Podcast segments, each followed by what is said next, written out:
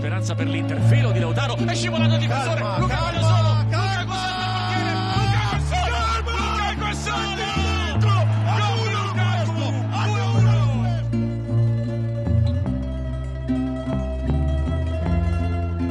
Het is eh, vrijdagmorgen, iets na half tien. Eh, Wesley ligt nog eh, ziek op bed. Maar wij liggen niet meer op bed, want wij zitten klaar voor de nieuwe Lo Stadio. Aflevering 16 alweer van eh, dit seizoen. Goedemorgen Sander, lekker geslapen?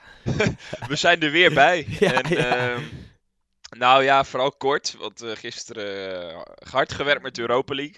Dat zijn eh, redelijke nachtshifts. Maar kijk, Lo Stadio roept hè.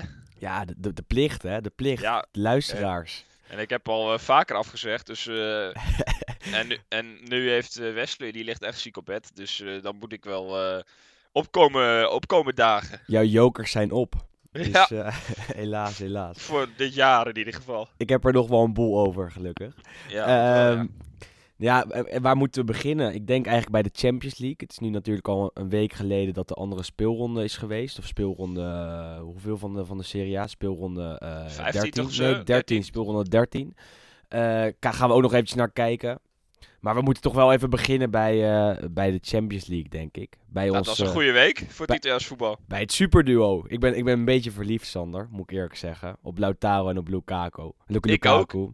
Maar ehm, en misschien, eh, kijk, het was natuurlijk sowieso een hartstikke goede week voor het Mhm. Italiaans voetbal. Als we het over de coëfficiënten Polonaise hebben, loopt, loopt Italië wel voorop, denk ik, dit, Met eh, het deze Italiaans week. tintje, zeker. Op Volare is het, hè, deze week. Ja, in plaats van op zeker. André Hazes.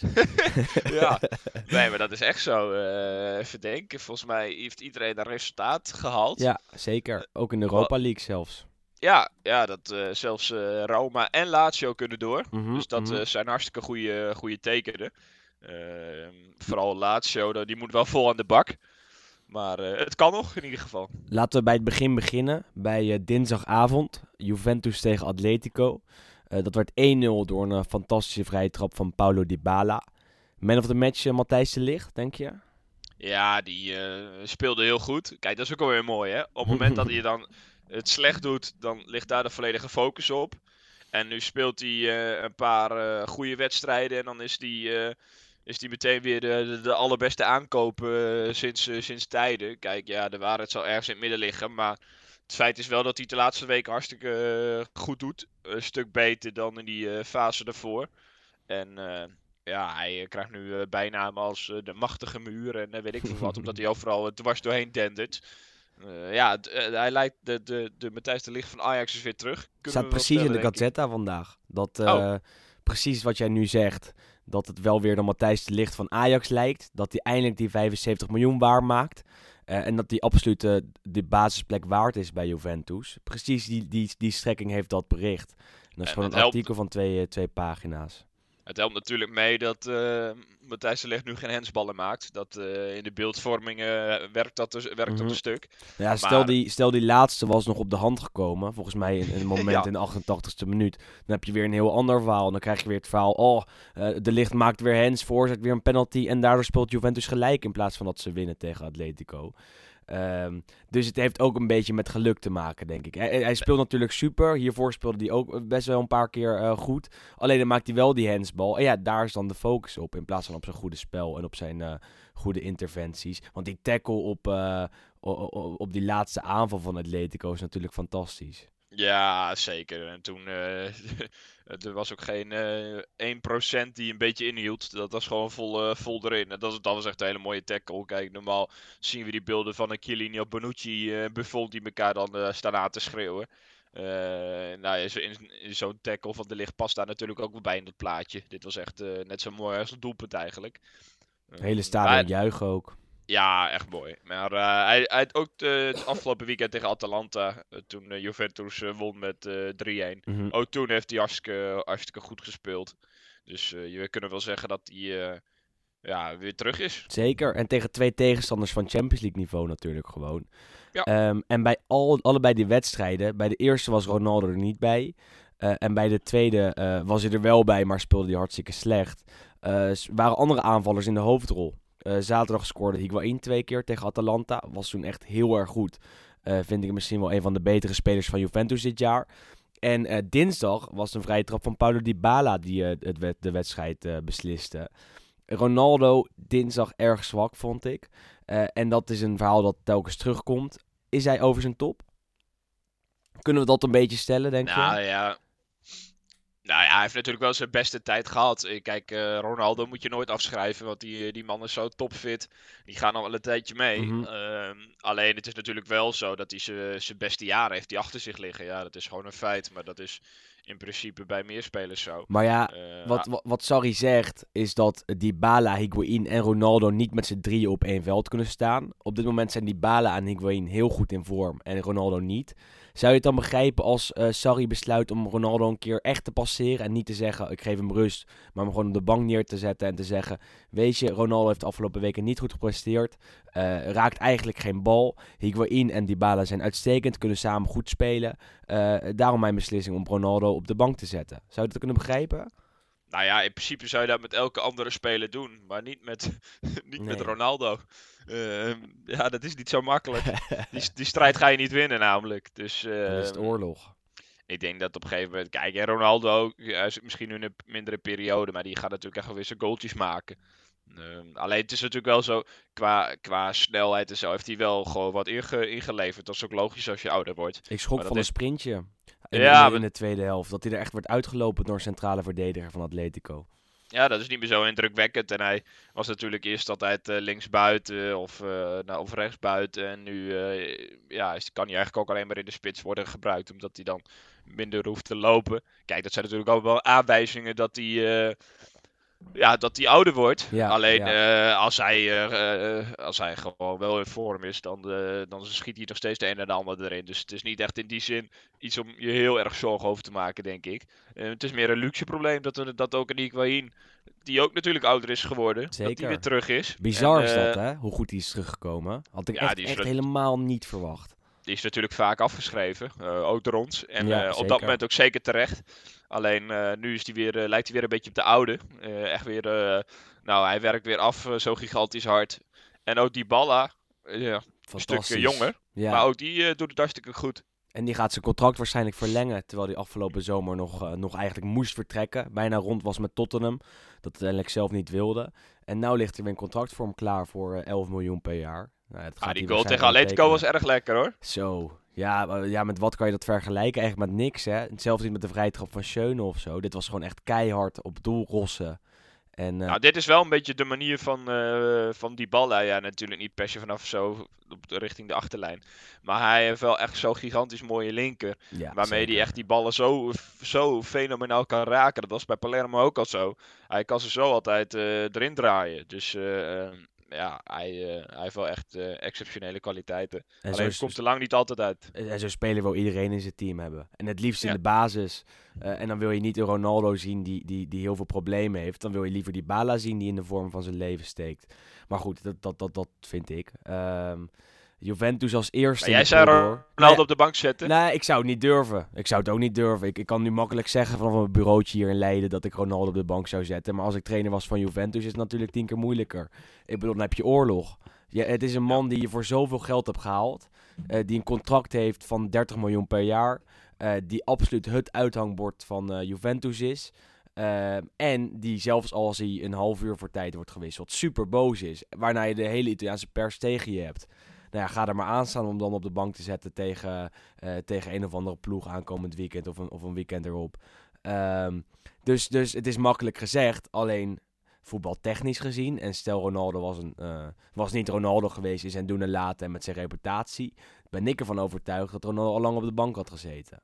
Ja, zeker. Eh, Nee, eh, elke andere speler had eh eventjes een paar weekjes moeten zitten. Ja, Alleen, ja, is natuurlijk ook nog extra commerciële waarde. Want overal waar hij komt met Juventus zit een stadion vol.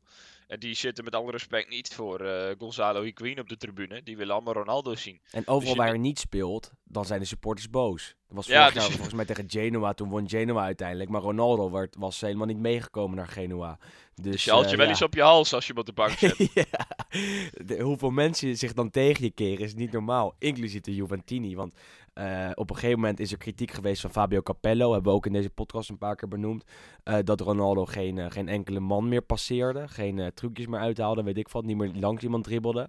Ja, hij zijn wel een jaar of vijf, hè? Ja, ja, precies. Jaar of vijf. Of wat zei ik dan? Ja, nee, nee precies. Nee, nee, maar hij, hij zei van, eh, ja, die komt al jaren niemand voorbij. Ja, Nou dat is natuurlijk wel wat overdreven. Dat, eh, Nee, maar twee net- jaar, twee jaar zou ik het wel kunnen benoemen. En misschien ook, ook nog wel een periode bij, eh, bij Real Madrid. Want bij Juve heeft hij nooit die, die flitsendheid gehad die hij bij Real en bij, bij Manchester United had. Wat helemaal niet erg is, want hij zich- heeft zichzelf heruitgevonden als, Ja, als echte spits. Want volgens mij is die, eh, is die omhaal met eh, Real Madrid tegen Juventus, dat is ook nog niet zo heel lang eh, geleden. Tweeënhalf Eh, dat- jaar geleden volgens mij, ja. Nou ja, dat, eh, dus eh, hij heeft in die tijd natuurlijk ook genoeg geleverd. Alleen ja, het zijn niet meer die eh, drie, eh 24 scharen achter elkaar en dat hij er dan langs ging. Ja, nee, dat, eh, die tijd is voorbij. Exact, exact. Maar goed, Juventus door als eerste in de pool met Atletico, Bayer Leverkusen en Lokomotiv Moskou. Ja, toch weer knap hoor, dat ben ja, ik serieus. zeker. Nee, en, en die wedstrijd tegen Atletico was echt heel erg soeverein. Ze gaven bijna geen enkele kans weg. Eh, echt het oude Juventus weer, zou je kunnen zeggen. Waarbij je ook kan stellen dat Sarri, het Sarri-bol, er niet in heeft gekregen nog. Hè? Dat het vooral toch de stile Juve is, die verdedigende stijl, waarbij ze uitgaan van controle. Eh, en dat snap ik natuurlijk tegen Atletico, maar ook in de Serie A is het vaak niet echt flitsend. Eh, maar ze winnen wel. Zie je ze als Champions League winnaar?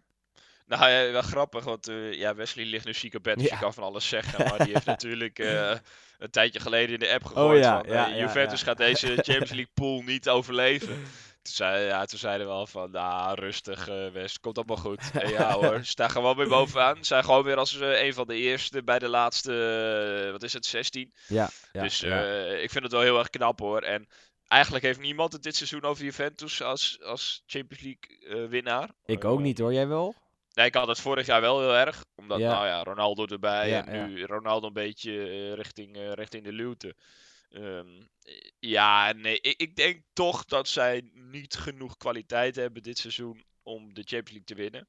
Op het Eh, middenveld, hè, bedoel je dan, denk ik? Ja, als ik dan middenveld zie met, eh, wat is het, Pjanic, Kedira, Bentancur vaak. Of, eh Matuidi erbij. of Matuidi erbij. Ja, hier, ja, daar word ik niet heel vrolijk van. Ehm, maar er is, het is ook een- beetje zo. Er is ook niet echt een hele uitgesproken favoriet in deze Champions League. Ja, dus City. dat- Of Pa- Paris is. Nee, dat- niet één uitgesproken favoriet. Maar ik zou City, Paris Saint-Germain. eh misschien, nou, Barcelona op dit moment niet. Maar vooral City en Paris Saint-Germain. En misschien ook wel Liverpool.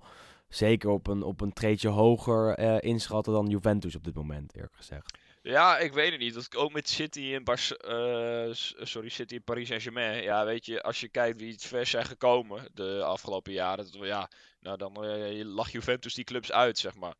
Dus in die zin denk ik van eh, dat, dat Juventus het op, eh, op in die fase eigenlijk uiteindelijk nog wel beslist. Want ik vind eh Barcelona, of eh, Barcelona, hoor mij. Eh, Manchester City en Paris, joh, die, die maken altijd een misstap. Dat, En- en- eh, dat en- blijkt wel de laatste jaren. Maar stel, eh Juve komt weer tegen Ajax in de kwartfinale. Eh, zijn ze dan sterker dan vorig jaar om, om zo'n team te bedwingen? Dat denk ik niet per se, eerlijk gezegd. Nee, misschien dat ze ervan hebben geleerd en kunnen ze ze beter bedwingen. Maar dat is, Ajax is echt weer een club die niemand wil loten. Want Ja, je- Je zeker. weet gewoon, oh god, dan moet je weer eh 90 minuten achter die bal aanlopen. Volle pressie gewoon de hele tijd. Ja, Ehm, dat, dat, ja. die wil niemand pakken. Ik denk dat als je dus echt kan vragen, nou, dan zou Juventus denk ik liever een City hebben. In dat geval. Of een Paris. Dat ze de je- underdog hè, zijn, denk ik. Precies, dat, ja. dan hoeven ze, hoeven ze niet per se. Het, het- er wordt er niks van hun verwacht. Dan is het een stunt. En dan eh, kan je gewoon afwachten. En eh, tegen Ajax word je toch geacht enigszins een spel te maken. Zeker. Eh, en als we dan doorgaan naar de, naar de andere Italiaanse ploegen. laten we even beginnen bij Inter. Want die prestatie was super indrukwekkend. Eh, nou ja, tegen een tegenstander van, van klein formaat, moeten we wel eerlijk zijn. eh, waren Lu- Lu- Lukaku en Lautaro wel weer hartstikke goed. Hè? Slavia Praag 1-3 Inter. Twee doelpunten Lukaku, ook nog twee afgekeurd en een assist. En eh, Lautaro maakte. eh, nee, twee. Zo. Lu. Lukaku scoorde één keer, twee afgekeurd en een assist. En Lautaro scoorde twee keer. Het werd 1-3. Eh, super duo, hè? Ja, echt fantastisch. De chemie die die twee hebben. En er wordt natuurlijk altijd ges- ges- gesproken over complementaire koppeltjes. Ja, Nou, ja. dit is echt volledig complementair aan elkaar. Ehm, Lukaku, de grote eh, aanspeelpunt. eh, iemand die een bal vast kan houden. En daaromheen Lautaro, die eigenlijk een beetje alles mag doen. Maar volgens mij weten die twee van elkaar altijd blind de onderlinge afstand. En de, te weten waar de ander loopt. Wat die twee met elkaar hebben is echt uniek hoor. Er zijn weinig koppels in Europa Nee, die op die manier dat hebben. Er zijn sowieso weinig koppels in Europa, want eh, er spelen weinig met de twee spitsen Mhm. voorin. Maar ehm, ja, dat is wel echt heel erg indrukwekkend. En Lautaro, ja, ik heb het al vaker gezegd, maar alles aan die gozer is mooi. Het is zo goed, Barcelona? Ja. Ooit nog een spits zoekt, dan moeten ze naar 100%. Milaan. Voor 120 want- miljoen kunnen ze hem ophalen, volgens mij. Volgens mij zit er nu nog clausule in het contract. Ook dat bij die laatste goal was dat volgens mij. ehm, De 1-3, die, de, met buitenkantje voet van eh, Lukaku, die assist bedoel je? Nee, dat bedoel, dat bedoel ik de 1-2. Toen werd Lukaku diep ja, gestuurd. hè? ja, ja, en, en dat hij dat Alleen- overstapje doet, bedoel je toch? Ja, die schijnbeweging ja, ja, daarvoor. ja, ja, ja, ja. Daarmee had hij dus alleen met die schijnbeweging had hij al twee mensen in de luren. En toen eh, Lukaku, die stormde af op de keeper en die hield eh, een keer het overzicht. En eh, die ging er rustig omheen en die eh, schiet die bal uit frustratie binnen. nee, maar echt, Het echt was, geweldig wat die twee hebben. en gelijk gingen er plaatjes de ronde, of deden er plaatjes de ronde, omdat Lukaku natuurlijk voor een leeg doel stond.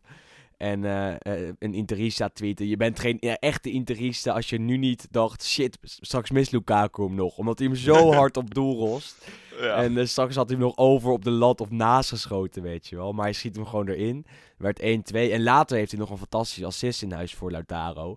Buitenkantje voet. Een Trivela à la Quaresma. Ehm, dat, het, is, het is echt genieten. Het is echt genieten. Het is, het is echt heel erg fijn om op dit moment Interista te zijn. Eh, ook omdat het natuurlijk hartstikke goed gaat. Maar ook omdat er zoveel spelers zijn waarvan je kan genieten. En het is wekelijks eh, eh, zet je het aan voor het spel van Conte. Maar ook voor de spelers zoals Lautaro, Lukaku, Sensi en weet ik wat allemaal. En dit was echt een masterclass van dit superduo. Ja, je Eh, mag het als eh Milanista niet zeggen, maar ik ga echt voor dit Inter zitten, omdat het, er zit zoveel in. Het is gewoon leuk om naar te kijken. Eh, de hand van de trainer is eh, heel erg zichtbaar. Heel erg, ja. Ja, Ja. gewoon echt, echt top. En ik twijfel bij die derde goal nog wat nou mooi was. Of die assist van Lukaku of die afronding. Ja, Ja, zo, zo ook- cool gewoon, hè. echt eh, geweldig. En daardoor, door die overwinning op Slavia Praag en de nederlaag van Dortmund bij Barcelona, kan Inter nog door. Ze staan nu zelfs tweede voor op eh, Dortmund. Alleen dan heb je een probleem, want Inter speelt in het laatste duel nog tegen Barcelona thuis. En eh, Dortmund thuis tegen Slavia Praag. Wat eigenlijk inhoudt dat Inter van Barça moet winnen om door te gaan. Eh, waarbij we wel moeten zeggen dat Barcelona al is uitgespeeld en sowieso eerste in deze pool is. Nou ja, misschien wel met een B-team. Denk je niet? Int- Inter gaat winnen. Ja, Dit wordt, het. dit wordt zo'n avond die, eh, waar alle Interisti nog eh, lang over na zullen denken. Want dit, die ga, dat gaat natuurlijk gewoon 80.000 man worden. Ja, Dat het, zeker. eh, dat het zeker. stijf uitverkocht is. en dat gewoon op één avond eventjes alles lukt. Nou, tegen Barcelona, wat het dan wel best vindt. Ehm, en dan, ja joh, die, ja, Inter moet ervoor spelen om, eh, om door te gaan. Ja, ik denk echt dat het een prachtige avond wordt. Ik weet niet of je de gelegenheid bent, maar ik zou er sowieso naartoe gaan. Ik, eh, Want, ik, eh, ik zit helaas in een ander stadion die avond. Of helaas. Oh, Ja, ja, in Nederland. ook, Dus, dat eh, schijnt ook een belangrijk ja, zeker, ja. Maar deze, poh, dit is- stond zelfs op mijn wenslijstje wel hoog hoor. Ja. Inter Barcelona. 80, nou, als je nog kaarten wil, kan ik die voor je regelen hoor. Dan kan je die kant Ja. op gaan. 80.000 man, vol San Siro, alles of niets. Het mooiste wat er is, als ze dan scoren, dan weet Ja. je niet wat je meemaakt. Dan, eh, Dan dan gaat, echt dan gaat echt het dak eraf. Ja, dat, eh, dat is echt wat het Italiaanse voetbal belichaamt. Eh, dan, dan gaat iedereen zo uit zijn dak zoals Conte bij elk doelpunt praktisch. Want daar zijn zoveel filmpjes van en dat is altijd genieten. Ja, bij dit soort wedstrijden dan, dan ontstaat er iets bij Inter. En dat is op zich ook wel bij Milan hoor. Op het moment dat, Ja, dat is, want die doen het thuis tegen Barcelona over het algemeen ook wel, eh, wel goed. Ehm, dan ontstaat er iets en dan eh, dat publiek erachter. En dat dat zijn eigenlijk de mooiste avonden in, eh in San Siro. Ehm, ja, ik heb er wel vertrouwen in eigenlijk. En ehm eh, dan moet wel worden gezegd dat, dat Inter wel heel veel spelers mist. Hè? Barella verloren ze afgelopen weekend. Die raakte geblesseerd op het eh, moeras van Torino. Die ligt er twee maanden uit. Politano ligt eruit. Ehm, wat andere spelers ook nog. Ik, geloof Gagliardini. Eh, waardoor de breedte echt heel erg smal is. Dus het is enorm moeilijk om, om op, op meerdere ehm, velden te presteren. Hè? Dus en in de Serie A en in de Champions League. Ehm, Zelfs ze winnen van Barcelona komt er weer wat geld vrij. Hopelijk eh, is er dan een, een, een flink potje om wat eh, te investeren in de wintertransferperiode. Want eh, de selecties is, is zo smal dat Conte er al heel vaak over heeft geklaagd. En je ziet waarom, want afgelopen, dins, of afgelopen woensdag stond Borja Valera weer ineens in de basis. Eh, en dat is iemand die eigenlijk eh, pas drie minuten had gespeeld dit jaar. En eh, volledig is afgeschreven. Nee, maar het feit dat je nu alweer sowieso Champions League hebt gehaald, dat je op deze manier meedoet, heeft er weer zoveel geld opgeleverd. En inderdaad, stel nou dat je doorgaat, dan komt er nog weer meer geld vrij.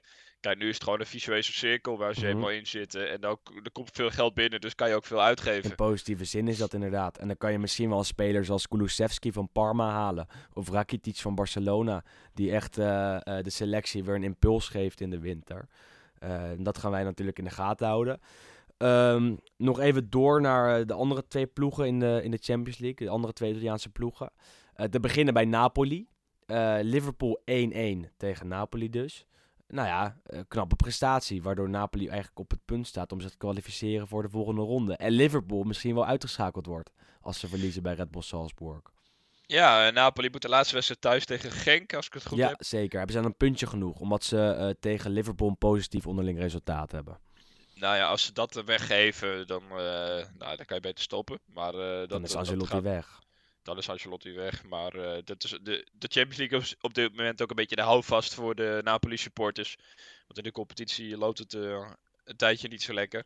Dus eh, terwijl het normaal altijd andersom was, hè. Liep het, in de, Mhm. in liep het eigenlijk in de Champions League prima, maar werden ze elke keer uitgeschakeld.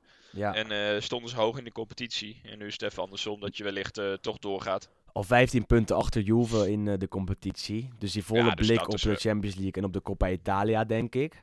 Ehm, en afgelopen, wat, wat dan niet meehelpt, want er was natuurlijk al onrust bij, bij Napoli, is dat alle boetes eh, uitlekten.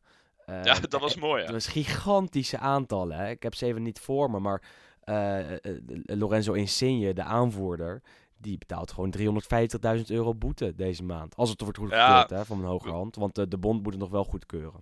Ja, we moeten het even uitleggen, denk ik. Ja. Want ze zouden op trainingskamp gaan hè, voor een wedstrijd. Exact, wat, wel, wat wel vaker gebeurt in Italië. Dan word je weer in een hotel gestopt ergens. eh, meestal eh, een vast hotel. In En dan, eh, in Retiro. En dan, ja, dan moet je daar als het ware je wedstrijdvoorbereiding doen. Dus afgezonderd van alles.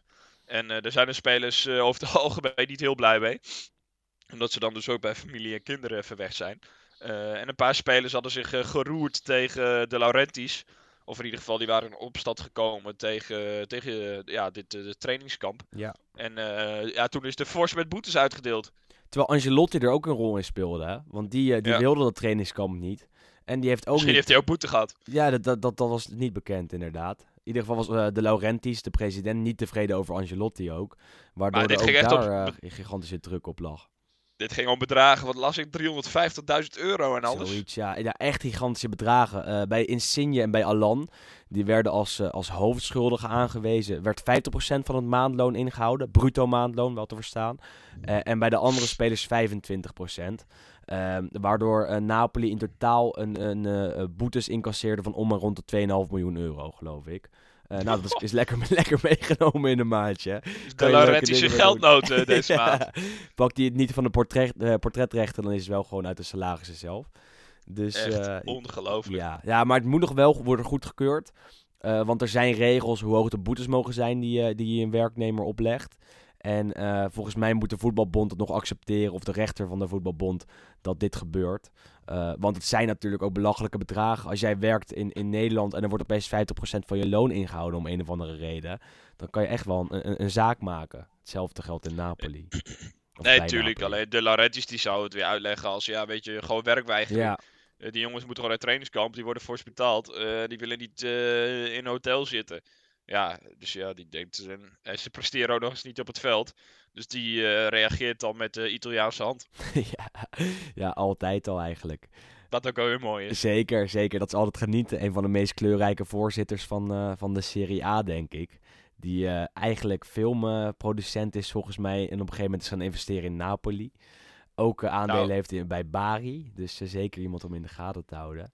Ik kijk op dit moment, nou ja, niet nu virtueel, maar Ik kijk eh Gomorra 4. Ja, En ook daar staat de naam De Laurentiis in de aftiteling. Niet eh, Aurelio, maar wel een andere de, Mhm. de, de Laurentiis. Ongetwijfeld eh, familie of iets in die trant. Dus dat is wel een befaamde tv-familie. je kijkt ze wel weg, hè? Want je hebt Maradona en Sinaloa ook al gezien. Ja, en dat was ook een mo- mooie verwijzing naar, naar Napels. Met het, eh, Eh. het nummertje in de bus, volgens mij. eh, Oh ja, klopt ja. Ja, zeker. Nee, dat was prachtig ja. dat hij toch nog even verwees naar het San Paulo. Dat, dat altijd als de spelers het veld betreden. Of soldaat een namorato. ja, het is heel moeilijk uit te spreken, want het is in Napo- Napolitaans. altijd wordt gespeeld. En dat is een prachtig Italiaans, Italiaans of Napolitaans nummer. Waar eigenlijk Ja, de Italiaanse muziek is uitgevonden. Maradona zei, eh, dit, is, dit klinkt nergens zo mooi als in een volgepakt San Paulo. O soldato namorato. Zoiets is het volgens mij. Eh, dat is ook wel mooi aan Gomorra 4, nog een klein eh, ja, ja, zijstapje. zeker. Maar dan probeer je natuurlijk het, ja, het Italiaans wat ik kan, zeg maar, om dat dan mee te luisteren met Gomorra 4. Nou ja, daar is soms echt geen touw aan vast te ja, ik begrijp ook geen reet van, joh. Dat is Dan- puur Napolitaans. Gewoon een simpel woord als Fabin, en dat zeggen zij als iets als Fabé. Fabé. En, Dat is en- gewoon geen- en, en jongens is opeens Wayou. In plaats van Ja. ragazzi. Dus er is echt geen, eh, geen touw knopen, maar wel leuk. zeker, zeker een aanrader om te kijken. Ik denk eh, een van de betere series die ik heb gezien in, eh, in mijn leven. Zo rauw en het wordt allemaal perfect beschreven. Naar het boek van Roberto Saviano. Dat is een man die, die was geïnfiltreerd in de Camorra. Ehm, en eh, daar een boek over heeft geschreven. Het boek kwam uit en sindsdien is hij eigenlijk altijd op de vlucht geweest. Nou, die man eh, heet eh, tegewoordig Jan Klaas en die eh, woont Ja. hier om de hoek. ja, Het heeft een andere identiteit aangenomen. die woont in Heergowaard nu. Ja, het kan maar zo. We weten het niet. Voor wie denkt dat die groenteboer met het Italiaanse accent verbonden is met Italië. Ehm, maar goed, nog eventjes door naar die andere Italiaanse ploeg in de Champions League. Namelijk Atalanta. Eerste Champions League overwinning ooit. Namelijk tegen Dynamo Zagreb. 2-0. Ze waren veel beter. Luis Muriel de beste man van het veld. Samen met Papu Gomez. En het bizarre is dat ze nog door kunnen gaan. Na drie nederlagen in de eerste drie duels. Ja, dat is, dan moet dus op de laatste dag moet Atalanta winnen bij Shakhtar, zeg ik dat goed? Ja, zeker. En moet City winnen ehm, bij eh, Dynamo Zagreb. Of, te- Ja, of- nee, of dat- bij of tegen. Dat- Ik weet niet waar dat is. eh. Eh, nou ja, dat is op zich het probleem. Even kijken. City speelt uit bij Zagreb, ja. ja. En dan eh, Atalanta moet dan winnen bij Shakhtar. Maar ja, aan de andere kant Shakhtar, dat kan ook nog gewoon door. Zeker. En, eh, ik acht Shakhtar ook best wel eh, goed. Het is niet zomaar gebeurd hoor. Voor de Nee, dit, dit, dit is absoluut niet zomaar gebeurd. Maar leuk in ieder geval dat ze nog hoop hebben. En ehm, kijk, ze kunnen ook nog gewoon derde worden. Wat denk ik voor Atalanta beter is. ja, gewoon in de dan, Europa League doorgaan. En dan Ja. eh, nou, zij ze denk ik geen kans hebben voor de eindoverwinning. Maar kunnen ze wel ver komen. Eh, en belangrijker, als het goed is, kunnen ze dan weer in het eigen stadion spelen. En hoeven ze niet naar San Siro uit te wijken. Eh, Alleen Atalanta, is- ik, ik zit wel even te kijken, Atalanta heeft een heel slecht doelsaldo. ja, maar daar gaat het dus niet om, toch? Volgens mij om onderling resultaat. Ah, en even kijken, hoe is dat ten opzichte van... Van Zagreb is dat heel slecht. Ze hebben namelijk 3-0 verloren in, in Kroatië. En 2-0 gewonnen in, eh, in Italië. Wat inhoudt dat op gelijke, bij gelijke stand eh, Zagreb doorgaat. Helaas. Ja, dus, daar, dus ze moeten gewoon winnen. moeten dat winnen, is de ja. conclusie. Ja, zeker. En eh, dan, ja, volgens mij kan je dan bijna niet... Ja, je kan niet eens derde worden. Oh ja, tenzij. Zagreb wint van City. Ja. Ja, als, als Zagreb wint, of Zagreb wint van City komen zij op 8. En als Atalanta wint van Shakhtar komen zij op 7. Dan is Oh, ja, Atalanta ja. derde en gaan ze naar de Europa League. Maar dan zouden de druiven wel heel zuur zijn. Want dan eh, heb je precies Ja. gedaan wat, wat er van je werd verwacht. En dan wint Zagreb opeens van Manchester City. Die Ehm, kans is niet zo groot. dat lijkt me ook niet. Ehm, maar goed, wel leuk om in het gaten te houden. Ze zou- zouden dan pas de tweede ploeg ooit zijn die na drie nederlagen in de eerste drie duels eh, alsnog door zouden gaan in de Champions League. Eh, nu Wesley er niet is, heb ik zulke stadjes uitgezocht. Dus dat, eh, Ja, leuk. ja, zeker. Weet je wie de eerste ploeg was? Nou, Newcastle United. Die zaten in een pool bij, eh, bij Feyenoord in 2002. En eh, gingen toen alsnog, of 2003, 2002. eh, en die gingen toen alsnog door. Ehm, maar goed, Atalanta zou mooi zijn. Hè? En At- Ajax-Atalanta zou al, al helemaal, al helemaal super zijn. ja, maar als we zo al die ploegen bespreken, denk ik eigenlijk dat er... eh, eh, nou, Inter gaat door, Juventus is al door, eh, Napoli gaat door. En dan denk ik dat het... eh, Je kan niet alles voor, hebben. eh, je kan niet alles hebben, je kan niet altijd zes gooien. Dus Nee. ik denk dat het eindigt voor Atalanta. En ik denk ook dat ze dan, want City gaat gewoon winnen van Zagreb. Dus Dat ik lijkt me dat ook, ja. dan, het dan helemaal klaar is. En ehm, Ik denk dat ze gewoon vierde worden en dan zich dan hopelijk helemaal kunnen focussen op de Serie A. Want daar kunnen ze gewoon nog vierde worden. Staan op plek 6, doen weer gewoon hartstikke goed mee. Eh, wel enorm wisselvallig, vind ik ze eigenlijk. Eh, afgelopen tijd in de Serie A niet meer gewonnen. eh, omdat de verdediging gewoon een beetje lek is. Ehm, maar goed, ehm, die maar goed die moet ik eruit halen, hè, Sander. Want dat, daar werd over kla- geklaagd vorige week. echt, door Ja. de kijkers of eh, door de luisteraars? Door de luisteraars, zeker. Stond in de iTunes comments. Dus dat Oh. is een stopwoordje dat er eigenlijk uit moet. Gaan Had we- ik nog eh, feedback gekregen, want Nee, ik heb eh, ze niet. niet gelezen. Nee, jij niet, jij niet, jij niet. Oh. Dit was een van de vier eh, comments op, op onze iTunes playlist. Maar daarom schuif ik ook niet elke week aan, want dan gaan mensen dat doorhebben. Dan wordt, het, dan wordt het te pijnlijk, weet je. Ja, ik zit er elke Ja. week, dus dan komt het... o- komen Ja, die dan, irritaties komen op een gegeven moment komen er natuurlijk uit. En terecht. Zit je onder vergrootglas. Ja, zeker, ja. Ehm, gaan we ook nog naar de Europa League kijken of eh, slaan we die over? Ja, nee, eh, zeker. Want, eh, Jouw kijk, normaal- specialiteit. nou, normaal zullen we die altijd snel vergeten. Alleen, ehm, we, We hebben het. Italië heeft het goed gedaan. Ja, ja. Ik ja, wilde zeker. zeggen, we hebben het goed gedaan, maar dat vond ik een beetje overdreven. maar Roma en Lazio gewoon gewonnen. Ja, knap. knap. Is dat knap? Dat weet ik eigenlijk niet. Maar Lazio moest thuis tegen CFR Cluj. Cluj. Cluj. Cluj. En dat wonnen ze. Ja, en eh, Met 1-0. daardoor hebben ze nog hoop. Ja, En wat nou eh, leuk is, die, eh, ja, zijn naam moet ik eh, opzoeken. Maar Adekanje, Ade ja, ja, Adekanje, ja, ja, een Nederlander. Die- die speelde gewoon basis. ja, Dus dat volgens mij voor het eerst. Dus dat is wel zeker. Basisdebuut in het shirt van Lazio. Volgens mij een speler met een verleden bij, bij Ajax, als ik het uit mijn hoofd eh Ja, zeg. volgens mij ook AZ of PSV. Ja, ik Eh, ga het nu geval er, probeer het nu erbij te pakken. Een Ehm, eh, jeugdspeler. ja. En eh, heeft het eh, in de voorbereiding wel goed gedaan. Tenminste, wat we ervan hebben gezien. van Liverpool En, overgekomen afgelopen zomer. En sindsdien een paar minuten gemaakt bij Lazio. Nog niet heel veel gespeeld. En hij is niet Nederlands, maar hij is Nigeriaans. Nee, hij is wel Nederlands. Nigeriaans. Hij is Nederlands Nee. Nigeriaans. Hij is geboren in Nigeria, maar wel met een Nederlandse nationaliteit. Nog. Ja, en in de Ehm, jeugd gezeten van Ajax, ja. Barcelona, PSV en Liverpool. Dus Ja. ja, dan zou je toch wel iets moeten kunnen. Flinke lading clubs gehad in ieder geval. Maar hij werd gisteren na 65 minuten weer gewisseld. Dus dat is eh vaak niet een heel goed teken. Alleen eh, wel in ieder geval leuk dat eh, wij een eh, teken van leven zien van hem. Dat ja, wel, eh, dat zeker, zeker. En daar speelt nog een Nederlander bij Lazio. eh Jay van Andersson.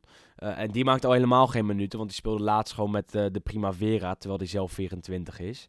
Eh, dus dat verhaal is denk ik wel binnenkort voorbij, moet ik eerlijk Is hij niet naar eh Salernitana gegaan? Nee, hij is weer terug. Hij werd verhuurd. Ja, en eh, nu zit hij weer bij, bij Lazio.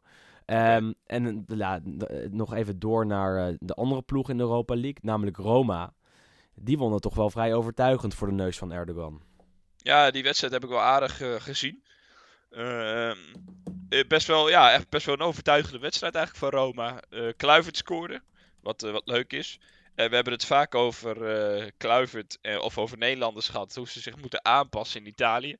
Nu heb ik, eh, was ik gisteren in de gelegenheid om eh, het interview van Kluivert na afloop te luisteren. Ja. Dat was namelijk in het Italiaans.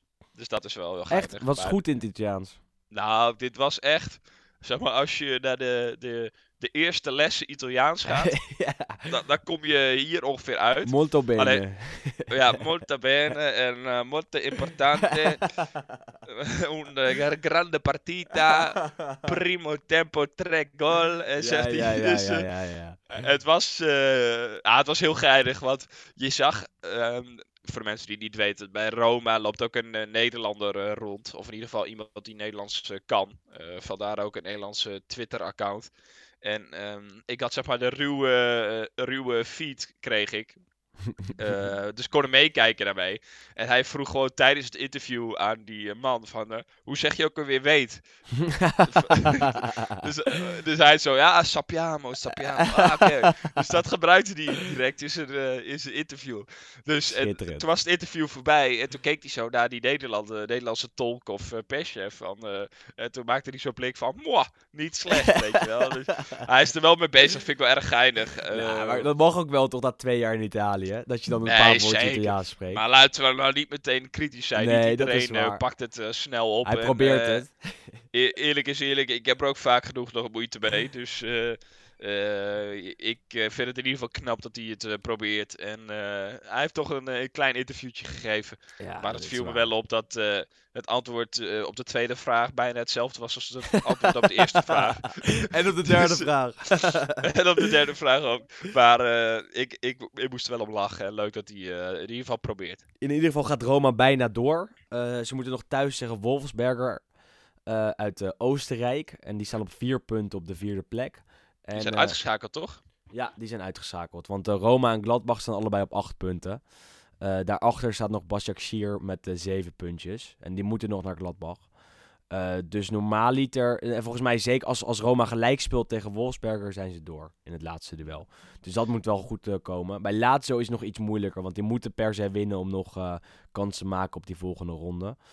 Ehm, dus ja, ja, het is te hopen dat ze allebei doorgaan, maar we gaan het in de gaten houden. Zullen wij even door naar de Serie A van aankomend weekend? Ja, prima. Toch? Ja, genoeg mooie potjes. Eigenlijk, als je op het eerste, eh, met de eerste blik kijkt, denk je, niet zo'n leuk speelweekend. Eh, ik noem een Juventus Sassuolo, Inter Spal, eh, ehm, Napoli Bologna. Allemaal niet superleuke wedstrijden. Maar dan kijk je even verder en dan zie je op zaterdagmiddag gewoon een mooie derby staan om drie uur. Brescia-Atalanta. Eh, de, de sub-derby van Lombardije, kan je dat wel noemen. Eh, en die hebben echt een grote hekel aan elkaar. Door de jaren heen ook gekregen. En ook eh, veel historie aan verbonden. En, en daar heb ik wel een mooi verhaal bij, Sander. Nou, vertel. die die kwam net in me op. Nou ja, een, een aantal jaar geleden, en dat heb ik even voor, voor de podcast nog even opgezocht. Het was in 2001, was Carlo Mazzone de trainer van Brescia.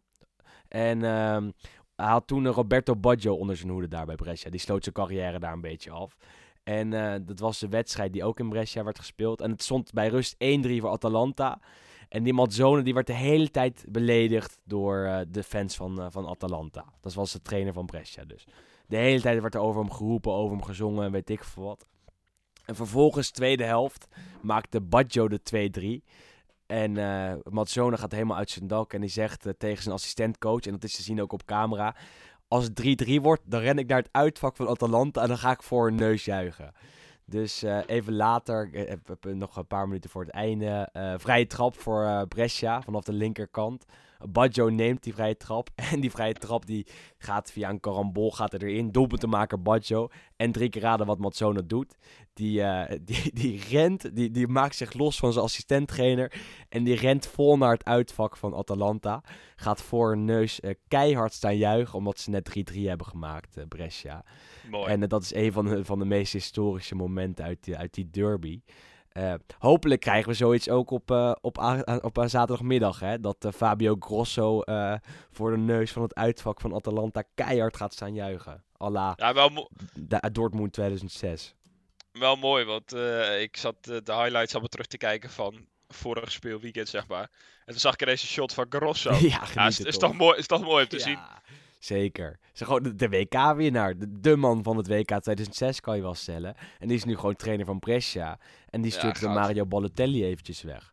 Ehm, over misschien een heel ja. misschien een slecht bruggetje hoor, maar eh, ik, eh, je vertelt of jongens eh, of eh, mensen die eh, richting het uitvak gaan en helemaal gek worden. Mhm. Ehm, moest ik even denken aan Simone Inzaghi, die dat natuurlijk ook geregeld doet.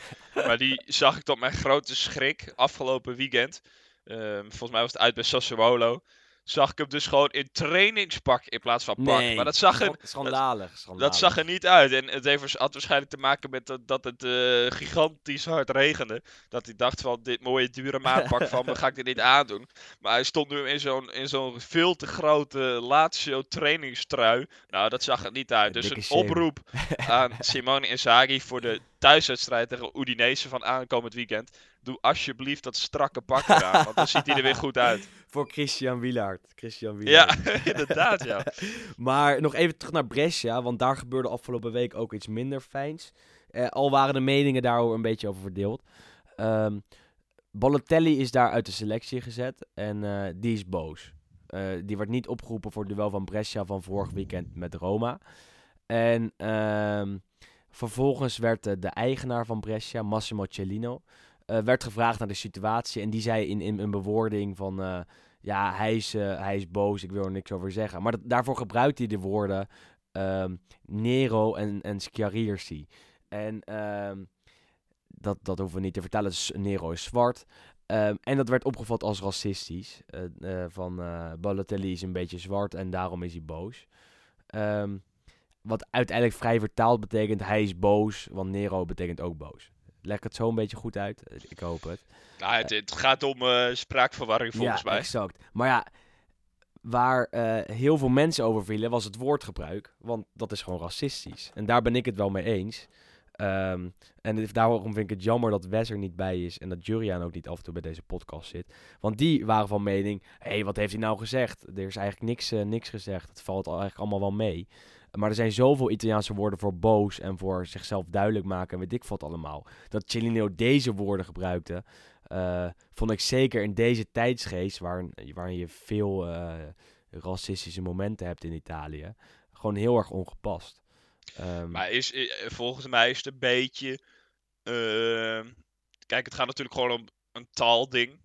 Dus zeg maar. Kijk, je, kan, je had een ander woord voor boos kunnen kiezen. Ja. Waardoor je dit niet had, ge- had gehad. Dus dat is misschien niet zo slim. Maar misschien eh, ja, heeft hij zich op dat moment eh, net even eh, verkeerd geuit. Volgens mij komt het er een beetje op Nee, neer dat je zeg maar in, in het Nederlands bijvoorbeeld. nou, je moet niet zwart-wit denken. als je dat zegt. Ja, ja, eens. En, en dan gaat het in dit geval om een donkere speler, waardoor het weer wordt opgeblazen. En exact. voor mij was in essentie niet verkeerd bedoeld. En niet als, zeker niet als, als racisme. Alleen in een, in een tijdperk waar het allemaal onder vergrootglas ligt, moet je er toch mee oppassen. en, en waar Balotelli al vaak genoeg het slachtoffer ervan is geweest. Ja, Dus zeker. dan Dus, is het in dit natuurlijk geval een super moeilijke situatie. het is weer extra ongelukkig. eh, en eh, kijk, als het racistisch is bedoeld, dan, eh, dan moeten we meteen afkeuren. Maar volgens mij was dit meer ongelukkig, ongelukkige woordkeuze dan Mhm. dat het eh, echte racisme was. Nee, vond toch dat het even moesten benoemen weer. Ehm, maar ja, de, Nou, het dus- geeft wel dus- aan hoe gevoelig het er ligt. Exact, en dat het natuurlijk weer wordt opgepikt. En eh, dat het in Italië ja, eh, nog weer een andere dimensie heeft dan in Nederland. Exact, terwijl die dimensie in Nederland natuurlijk ook al hartstikke aanwezig is. Ehm, nou ja, door naar een, eh, een andere wedstrijd aankomend weekend. Parma-Milan. Daar ga jij voor zitten of niet? Of moet je werken? Ja, nee, ik ga zeker kijken. Eh, al is eh, er dit eh, seizoen zitten voor Milan een hele opgave. Ook eh, dit zal weer een heel groot offer van mezelf eh, worden. Maar eh, nee, we gaan, wel, we gaan wel even kijken. Ja. Ehm, maar eh, ja, dit is weer een wedstrijd waar ik hart eh, vasthoud. Eh, Hartstikke moeilijk duel, hè? Tegen de mannen van Kulusevski en eh Jarvinho en eh, noem Nou, het allemaal maar op. die Kulusevski, ik, ik zat een beetje te zoeken met wie ik hem dan kan vergelijken. Maar hij doet me een beetje denken aan Ziyech. Jou? Ik weet het niet. Ik, ik, ik heb hem een aantal keer zien spelen, maar nog niet goed genoeg gezien om hem met iemand te vergelijken. Nou ja, ik herken heel erg die acties, zeg maar. Want hij, hij begint vaak een beetje als ja, een soort van rechtsbuiten. Ja, En dan komt hij veel naar binnen en hij heeft wel een beetje die trap. heel beetje sierlijk, hè? Ja, een beetje type Ilicic. Ja. Ilicic Ilicic, misschien beter nog, ja. Ja, die, eh beetje die, eh, die stijl heeft hij. Eh, maakt een prachtige goal trouwens, afgelopen tegen weekend. Bologna, ja, ja, toen was ik toevallig heel eventjes live aan het kijken. Ik dacht, weet je wat, zondagmiddag, geen andere wedstrijden. Ik ga eventjes naar Bologna-Parma zitten kijken. Wat moet je anders doen? Ja. En toen viel de bal opeens voor de neus van, eh van Kulusevski. Die draaide hem er echt hartstikke mooi in. Echt een speler om in de gaten te houden. En die gaat vast en zeker een stap maken naar de, naar de al dan niet Italiaanse top. Eh, Inter zit achter hem aan. Juventus zat op de tribune. Er was ook een mooie shot tijdens die wedstrijd dat eh, Fabio Baratici, eh, de technisch directeur van Juventus, daar op de tribune zat bij Bologna. En ehm, eigenlijk ook de Engelse top zit achter Kulusevski aan. Schijnt. Manchester United wordt al genoemd. Want andere clubs, ook Dortmund uit Duitsland. Dus daar gaat zeker een, een, een biedingoorlog over ontstaan. Hopelijk houden we hem in Italië. Hè? Ja, en vaak gebeurt dat in eerste instantie bij zulke spelers ook wel. Ik, eh, bij Parma Milan trouwens moet ik meteen denken aan die epische, wat was het, 4-5? Ja, Menes. Met J- Jeremy Menes, die met de hak scoorde. Die maakte er toen gewoon 13 of zo als spits. Nou, dat is achteraf nog niet zo slecht. Achteraf was dat nog niet zo slecht voor Milan. Nee, die, was- die was gozer- prima speler ook. De gozer was alleen zo gek als een deur. Die speelt nu in Mexico. En volgens mij werd hij laatst betrapt met drugs en met, met hoeren. Eh, Oh. Of prostituees, moet ik dan natuurlijk zeggen. Eh, en eh, toen eh, werd hij opgepakt. Dus eh, zijn carrière is ook snel, snel voorbij gegaan. Bij Milan wel de sterspeler toen, denk ik. Ze ook nog een keer tegen Inter in de derby. Nou, volgens mij werd hij dat seizoen zelfs topscorer. en dat, was, dat, dat was weer even de hoop in bange dagen. Maar dat zegt meer over de status van Milan dan over Jeremy Menez. Zeker. En het laatste duel dat ik nog even wil benoemen gaat tussen Verona en Roma. Van zondagavond om kwart voor negen. En wij moeten toch wel een beetje, eh, eh, een beetje eh, sorry zeggen mea misschien culpa. wel. Mea culpa, ja, nostra culpa. Want ja, Verona doet het hartstikke goed. Ze staan negende. 18 Het- punten. Het serieus, ik zat dus die highlights te kijken. En op het einde komt dus dat standje langs. in de Serie A-show. Allemaal te zien met de Serie A-pas trouwens. Zeker krijg je geen enkele, krijg je geen enkele permissie voor. Maar toch vind ik het eh, fijn om aan de band te brengen. Mhm. Maar dan beginnen ze dus met het rechte rijtje. En ik zit te kijken, waar staat Verona? joh? ik denk, het, het zal toch niet? En de- die pagina schiet door naar het linker rijtje. En wie zie ik staan als negende? Niet normaal. Hellas Verona. Het is, het is echt ongekend wat daar gebeurt. Elf doelpunten maar tegen. Alleen Juventus heeft, eh, heeft minder doelpunten tegengekregen. Ja, ze hebben er ook maar 11 gemaakt. ja, dat wel, ja. ja. Maar ja, het is doelstanden van 11-11, de 13 wedstrijden. Nou, dan ben je wel het, de koning van het minimum. Uber-Italiaanse ploeg. Waar wel één middenvelder heel erg eh, sterk speelt elke week. En ook daarvan heb ik een stukje gezien afgelopen weekend. Ehm Sofian Amrabat viel toen echt hartstikke erg op. Ehm, Die is echt eh, hartstikke goed bezig daar. Ehm, tijdens Verona-Fiorentina maakte hij rushes alsof het niets was. Echt een eh, box-to-box middenvelder. Eh, het Italiaanse voetbal lijkt hem echt heel erg te passen. En daardoor wordt hij ook gelinkt aan, aan eh, een, paar ploegen die hoger op de ranglijst staan. Nog hoger dan Verona. Gianluca Di Marcio, de, de god van de Italiaanse transfermarkt, kan je wel stellen. Die, die linkt hem al aan Napoli. Ja, 10 miljoen eh, las ik. Ja, ja want eh, eh, Verona kan hem dan voor 3,5 miljoen overnemen van Club Brugge. Waar Amrabat nog ste- steeds onder contract staat. maar die hem verhuren aan Verona. En waarna Verona hem dan direct doorverkoopt aan, aan een andere ploeg. Wat in dat geval dan Napoli zou zijn, waar ze middenvelder nodig hebben. Zeker aangezien zij heel veel spelers van de hand gaan doen na de woede van de Laurentiis. Ehm, maar ja, moeilijke stap denk ik wel hoor, om naar Napoli te gaan. Nee, zeker. Maar eh, zijn broer uh, Noordin Amrabat een tijdje geleden gesproken. En die zei: het belangrijkste voor eh Sofian is dat hij nu gaat spelen. En eh, nou, ik dacht in eerste instantie, nou, eh, weet je, dan ga je naar Verona. eh, die zullen daar eh, vijf wedstrijden onderaan staan. En eh, vervolgens komt er weer een nieuwe trainer. En dan wil ik het allemaal nog maar eens zien hoeveel hij gaat spelen. Maar hij speelt gewoon alles. Doet het hartstikke goed. Echt eh krachtpatser op het middenveld. Dus eh, ja, eh, het- hij eh, vestigt zijn naam wel. En eh, laten we hopen voor hem dat, hij, ja, dat daar iets moois uitrolt. Zeker. Ik denk dat dit hem was voor deze week. Ik moet namelijk zo ook weg. Maar eh, ja, nee, ja, nee, nog net ertussen gepropt. Hè? Hart- Hartstikke, Ja, dat hartstikke zo, netjes ja. gedaan. En ehm, n- wat doen we? We sluiten af. ehm, eerst met de dienstmededelingen, denk ik. Beoordeel ons op iTunes. Luister de andere podcasts van FC Afkikken. Podcasten met Petersen, de Pantlits podcast, de PCV podcast. Eh, luister ons ook elke week, eh, natuurlijk. Vinden we altijd leuk. Hopelijk komen we eh, voortaan weer iets eerder in de week. Dit keer was het eventjes niet anders. Ehm, moet ik nog meer zeggen, Sander?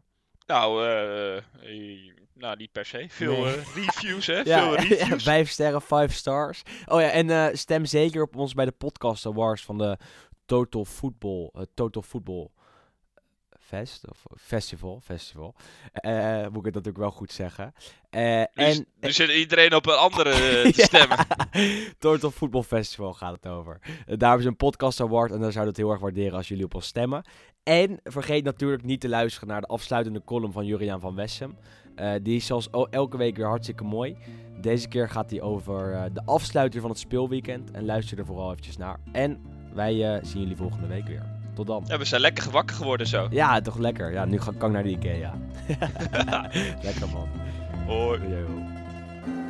De laatste wedstrijd van de komende speelronde is Cagliari-Sampdoria op maandag. Het duel wordt zelfs twee keer kort achter elkaar gespeeld, want op donderdag treffen ze elkaar weer, maar dan voor de Coppa Italia. Het is een bijzonder duel van twee ploegen die waarschijnlijk twee van de meest bijzondere Scudetto's in de geschiedenis hebben gewonnen. Het bijzondere is dat Cagliari zijn eerste wedstrijd met de Scudetto op de borst in de Serie A in Sant'Elia speelde tegen Sampdoria. En dat Sampdoria Haar eerste wedstrijd met de Scudetto op de borst in de Serie A speelde in hetzelfde stadion. Cagliari-Sampdoria is de derby van de Scudetti Storici. Die beide wedstrijden werden overigens gewonnen door de Sarden. Maar het meest dramatische moment in de wedstrijden tussen beide clubs was de bekerwedstrijd van 2 september 1981. Cagliari speelde in de Serie A en Sampdoria in de Serie B. In Sant'Elia werd het 2-1 voor Cagliari. Maar tijdens de wedstrijd werd voorzitter Paolo Mantovani getroffen door een hartaanval en meteen met loeiende sirenes naar een ziekenhuis afgevoerd. Hij zou de infarct overleven en daarbinnen een paar weken herstellen. Het snelle ingrijpen van de Sarden heeft tot eeuwige dankbaarheid bij de aanhang van Sampdoria geleid. Zonder Mantovani was Sampdoria nooit de grote club geworden die het even is geweest. In feite stapte Sampdoria in het spoor dat ooit door Cagliari was gelegd. Waar Gigi Riva een superster op het eiland werd, pakte Gianluca Vialli die draad op aan de Ligurische kust. Maar waar Riva na het winnen van de Scudetto door een zware blessure werd gefrustreerd, loodste Vialli zijn ploeg naar de eerste finale van de Champions League. Op Sardinië zijn er nog heel veel mensen van overtuigd dat Cagliari in 1971 in de Europa finale van Wembley had gestaan als Riva in dat seizoen niet geblesseerd was geraakt. Waarschijnlijk was Ajax Cagliari een veel mooiere finale geweest dan Ajax Panathinaikos, maar dat zullen we nooit weten. Maar dat Cagliari was wel heel erg goed en had zelfs zes internationals in de Italiaanse selectie die in 1970 vice-wereldkampioen werd. Cagliari werd na dat tijdperk weer een normale club en zakte in het midden van de jaren 80 weg naar de serie Ciuno. Maar toen kwam er een jonge trainer die met een enorm enthousiasme de club van Sardinië binnen twee jaar terugbracht naar de Serie A met twee promoties op rij. Eigenlijk was dat een miraculeuze ontwikkeling en de naam van die trainer is Claudio Ranieri. Hij zou het kampioensjaar van Sampdoria bewust meemaken, want dat was zijn debuutjaar in de Serie A. Hij zou nog heel veel moois meemaken in zijn loopbaan als trainer, maar Cagliari zit vooral bij hem in het hart. Voor hem zal deze dubbele ontmoeting extra bijzonder zijn.